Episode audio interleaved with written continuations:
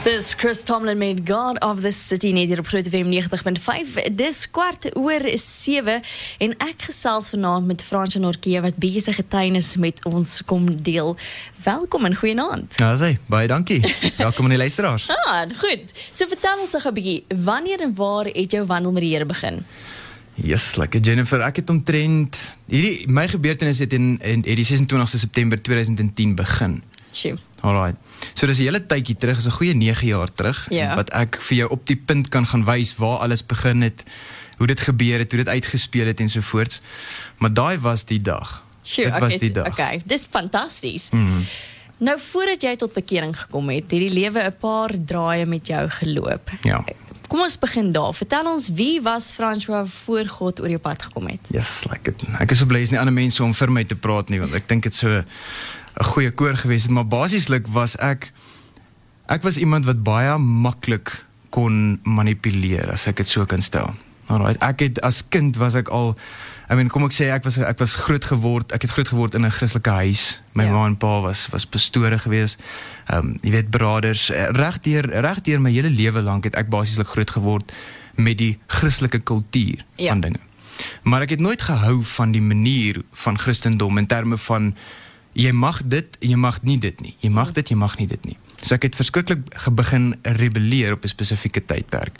Ek het nooit regtig God geken in persoon nie, Ja. maar altyd geweet van dit, geweet van die maniere en toe naderhand agterkom luister maar as jy begin sê ja, prys die Here, amen, dan klink dit goed op die oor en jy kom weg met 'n paar goed. Goed.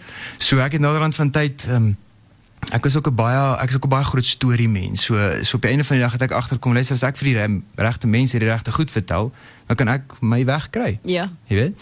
So ek het later van tyd begin om vir myself 'n lewe te bou en vir myself of 'n tipe van 'n identiteit te skep voor mense wat glad nie waar is nie. Ja. En dit het op die einde van die dag redelik baie gekos want uh, ou gaan moet op 'n punt kom wat jy konfronteer. Jy weet dit wat jy sê en dit wat jy doen moet bymekaar kom op 'n manier. Absoluut. So dit was 'n uh, dit was 'n interessante pad geweest.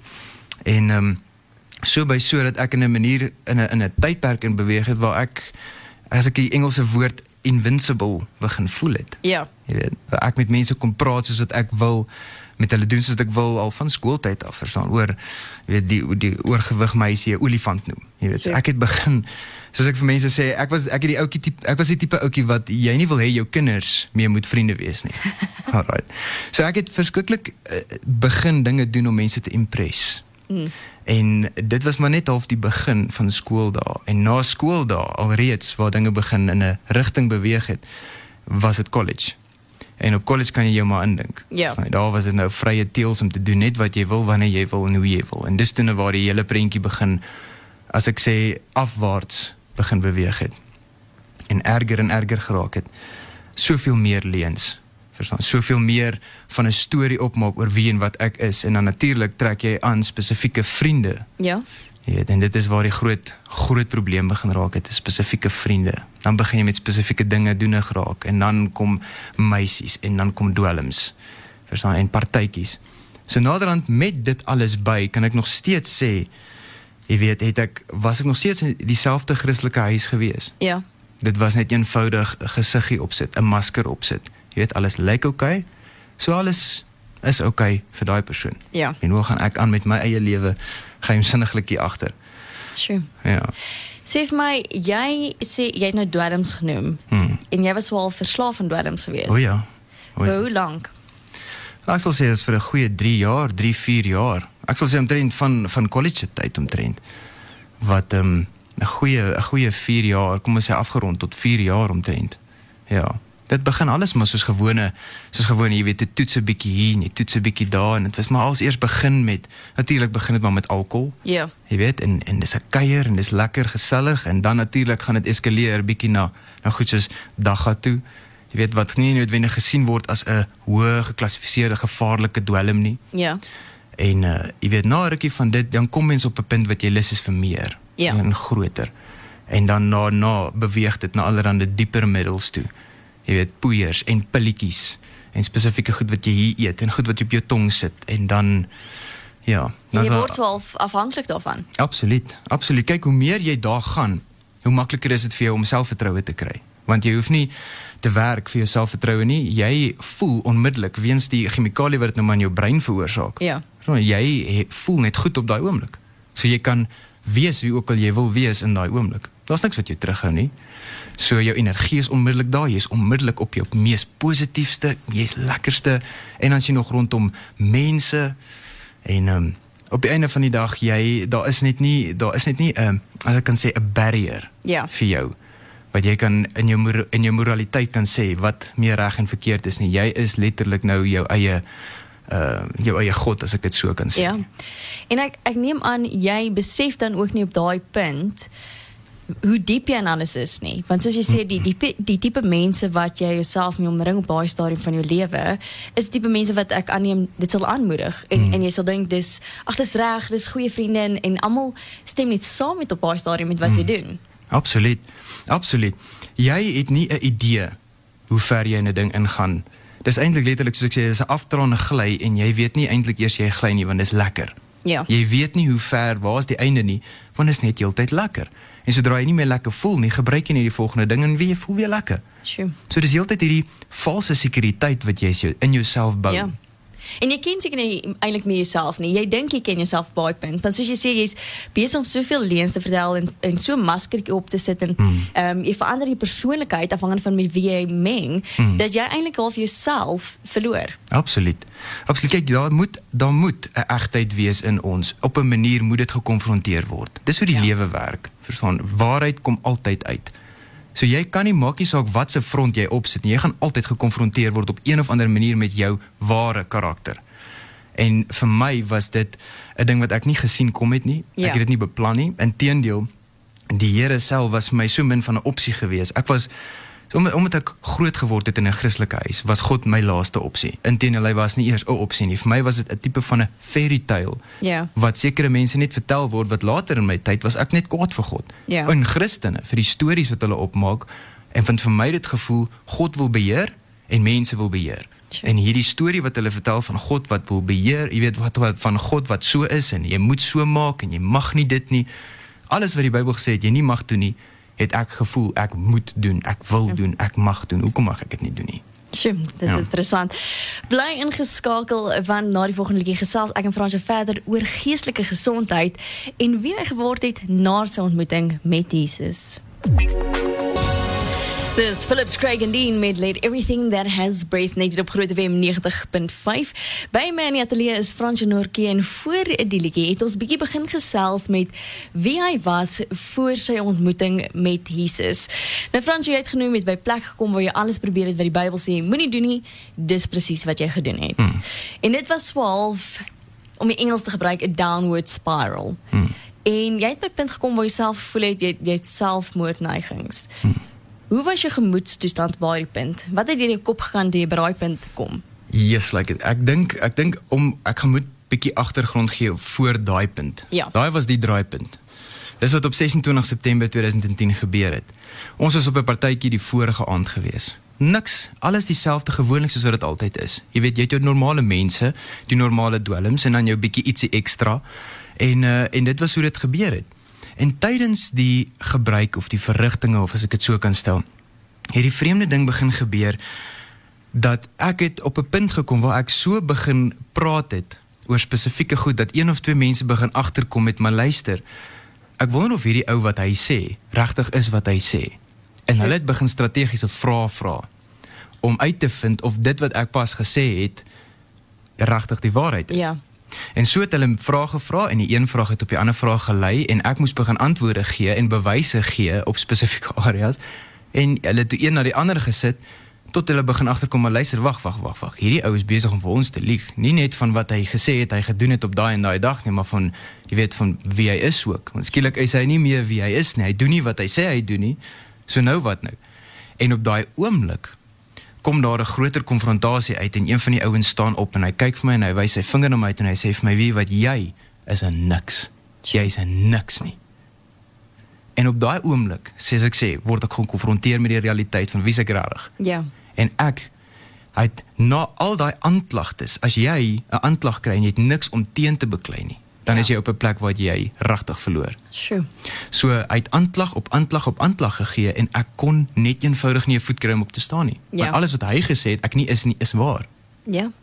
En as hy vir my goed vra het, ek al vergeet wat ek gesê het oor want is leens. Ja. So op daai punt was dit erg, maar wat dit baie erger gemaak het, is dit was in die groep gewees. Sjoe. So enige iemand wat aangespreek word 1 tot 1 kan jy hanteer, jy kan na die tyd kamer toe gaan, jy gaan huil daaroor, wie werk dit deur. Maar as jy verneder word in 'n groep mense wat jy so impress het deur afgelope maande of 'n jaar of wat, verstaan, dan is dit spesifiek vir jou sleg. Ek weet nie, ek glo met my hele hart verstaan. Daar's nie eens 'n ander manier om dit te sê. Die Here het hierdie ding so fyn beplan dat daai waarheid uitgekom het en ek net eenvoudig geen uitkomkans gehad het nie. Ja. So die aand van die 25ste September was dit gewees. Ek het myself verskoon. Ek het nie geweet wat om te doen of hoe om te reageer nie. Almal se oë kyk na my en ek het nie geweet wat om te doen nie. Daai vinger wys na my jy's 'n niks werd nie, jy's 'n niks. en op die einde van die dag op die einde van die aand het ek letterlik uitgestap en ek het in my kar gaan wag.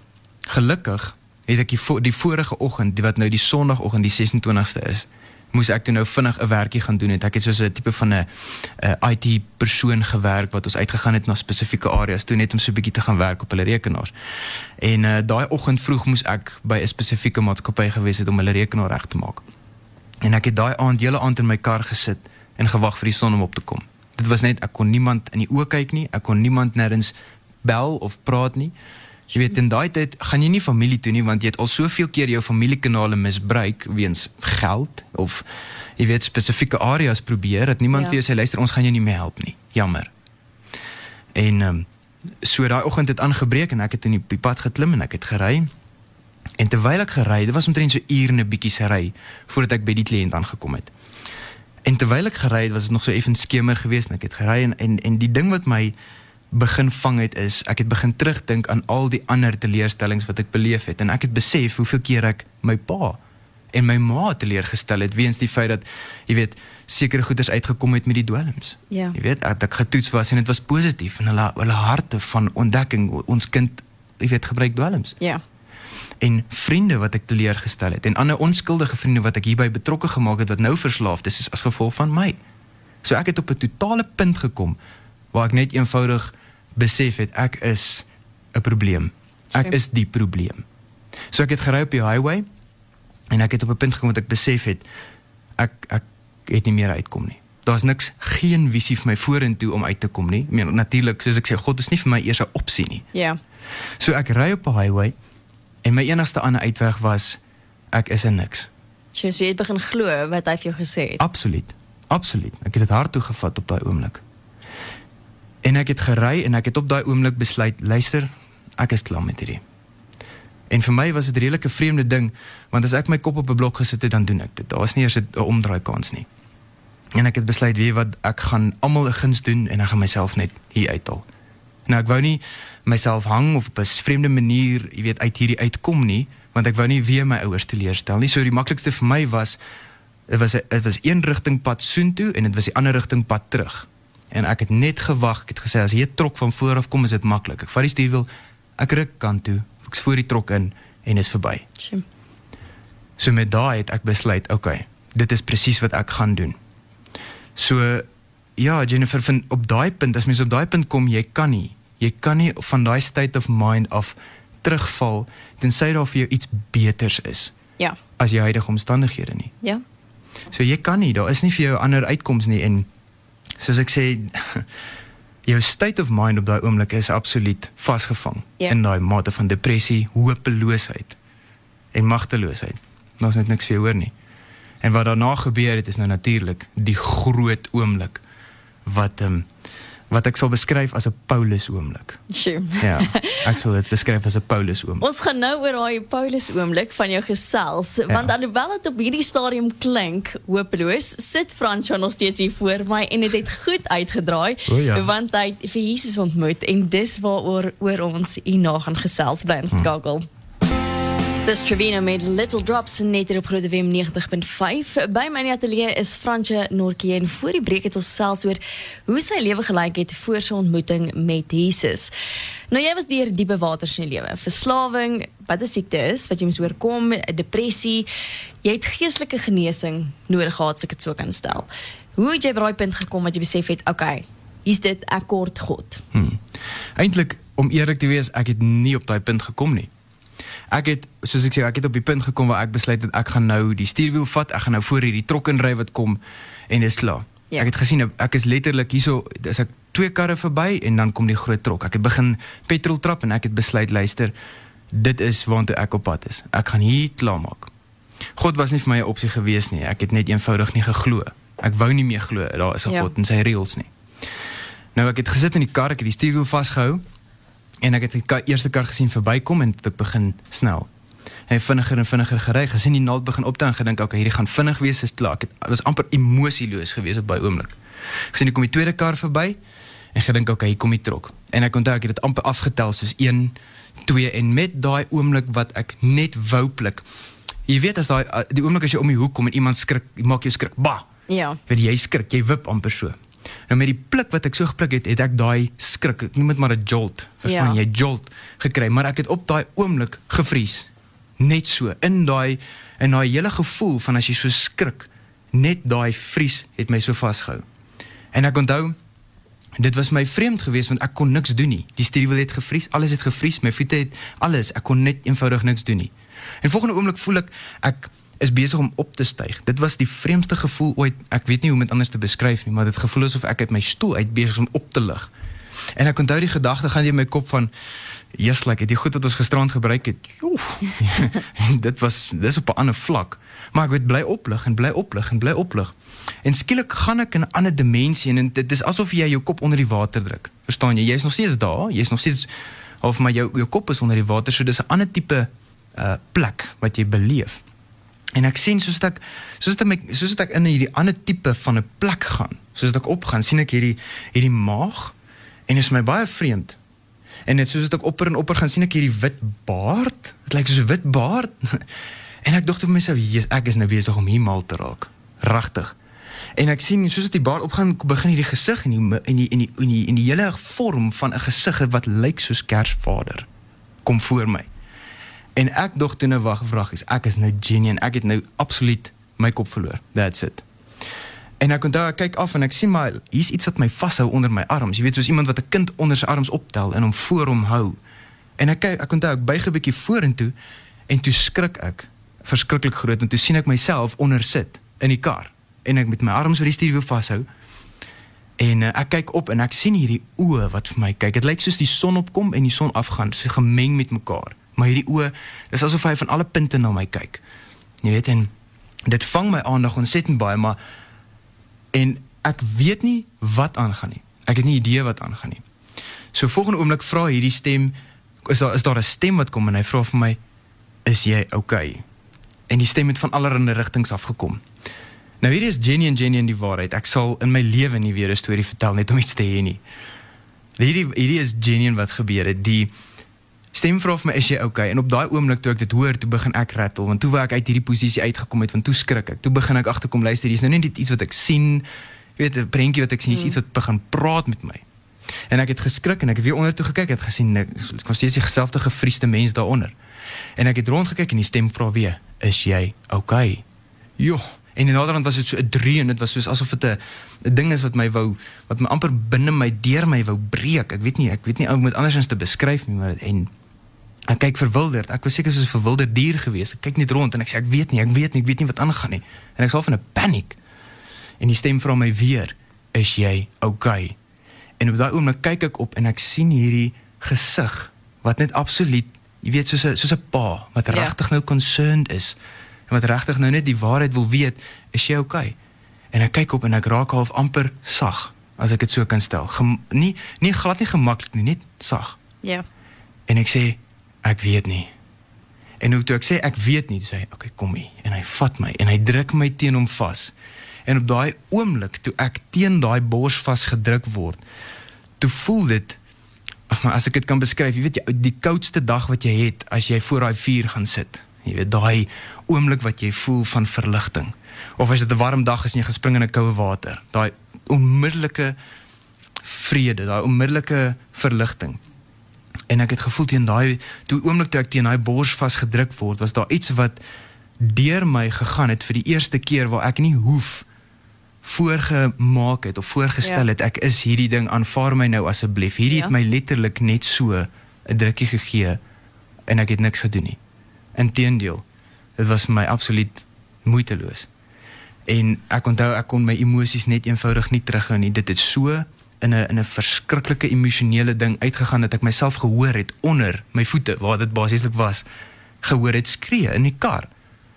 En ehm um, dit het so vir my erg geraak skielik toe ek terug in die kar.